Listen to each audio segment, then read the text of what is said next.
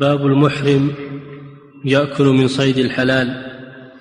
الله جل وعلا حرم على المحرم صيد البر.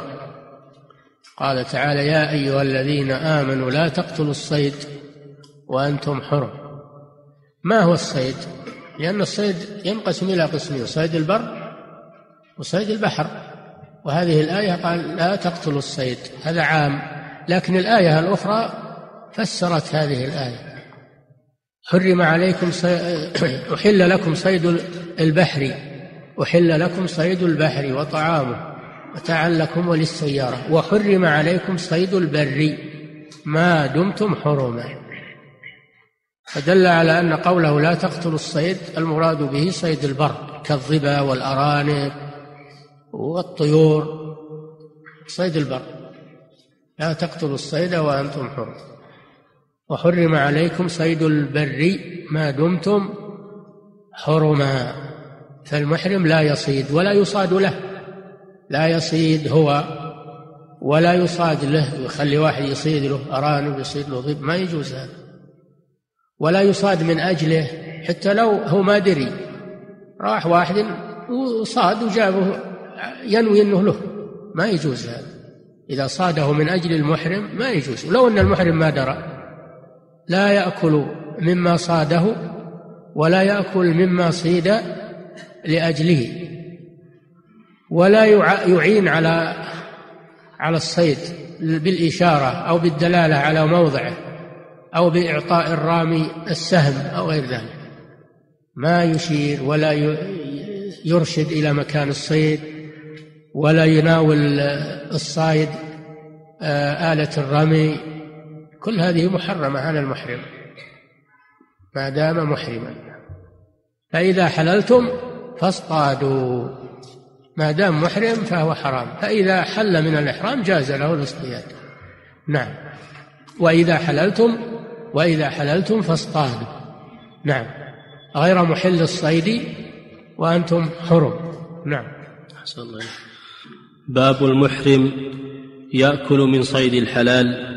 متى يأكل من صيد الحلال؟ إذا لم يصده هو ولم يعن على صيده ولم يصد من أجله. ولم يصد من أجله يأكل منه كما يأتي في الحديث. نعم. عن أبي قتادة الأنصاري رضي الله عنه أن رسول الله صلى الله عليه وسلم خرج حاجا فخرجوا معه فصرف طائفة منهم فيهم أبو قتادة وقال خذوا ساحل البحر حتى نلتقي. نعم الطريق من المدينة إلى مكة طريقان. طريق الساحل الذي يمر على على الجحفة يمر على الجحفة قبل يصل مكة يمر على الجحفة وعلى رابط. هذا طريق الساحل. الثاني طريق الهجرة اللي هو طريق السيارات اليوم. هذا يمر على ذي الحليفة. فالنبي صلى الله عليه وسلم لما خرجوا في حجة الوداع أمر طائفة من الصحابة فيهم أبو قتادة أن يأخذوا الطريق الساحلي لأي لأي شيء للحراسة لئلا يفجاهم عدو. الرسول صلى الله عليه وسلم أرسلهم للحراسة لأجل أن لا يفجأهم عدو. يستطلعون الطريق يبرحون الطريق.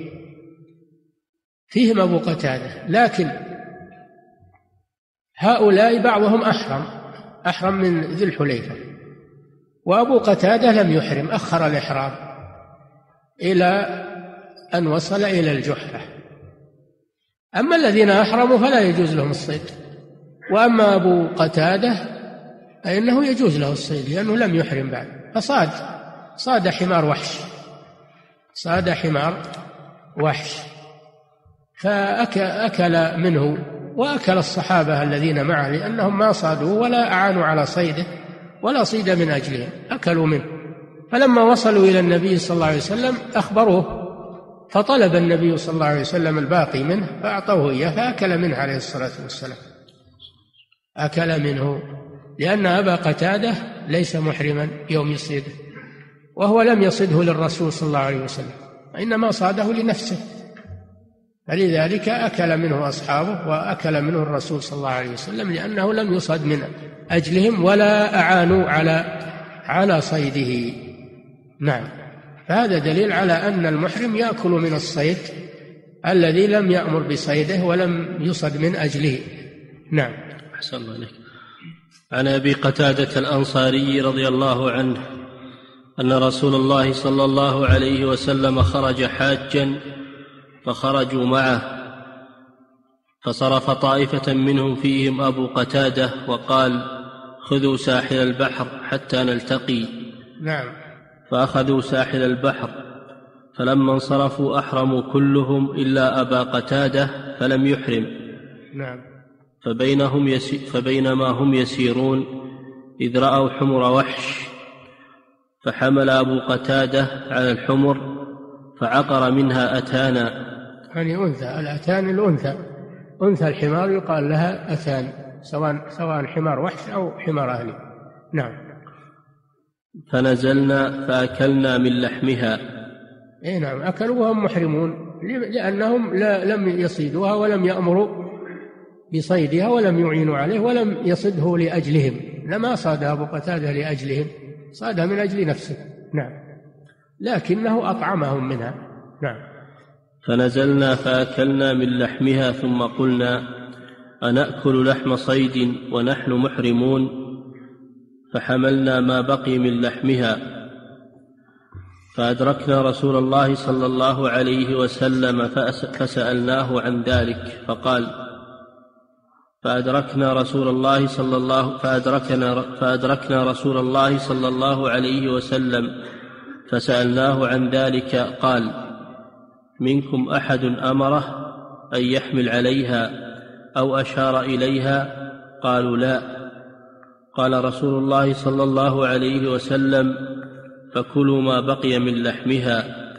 وفي رواية هل معكم منه شيء؟ فقلت نعم.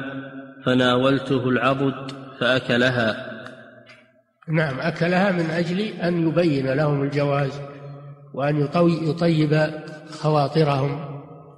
يقرر لهم الجواز حتى يقتنعوا تماما نعم. فهذا فيه دليل على أن على أن الصيد إنما يحرم على المحرم على أن قتل الصيد واصطياده إنما يحرم على المحرم. ولا يصيد ولا يأمر بالصيد لأن الرسول قال منكم أحد أشار؟ منكم أحد؟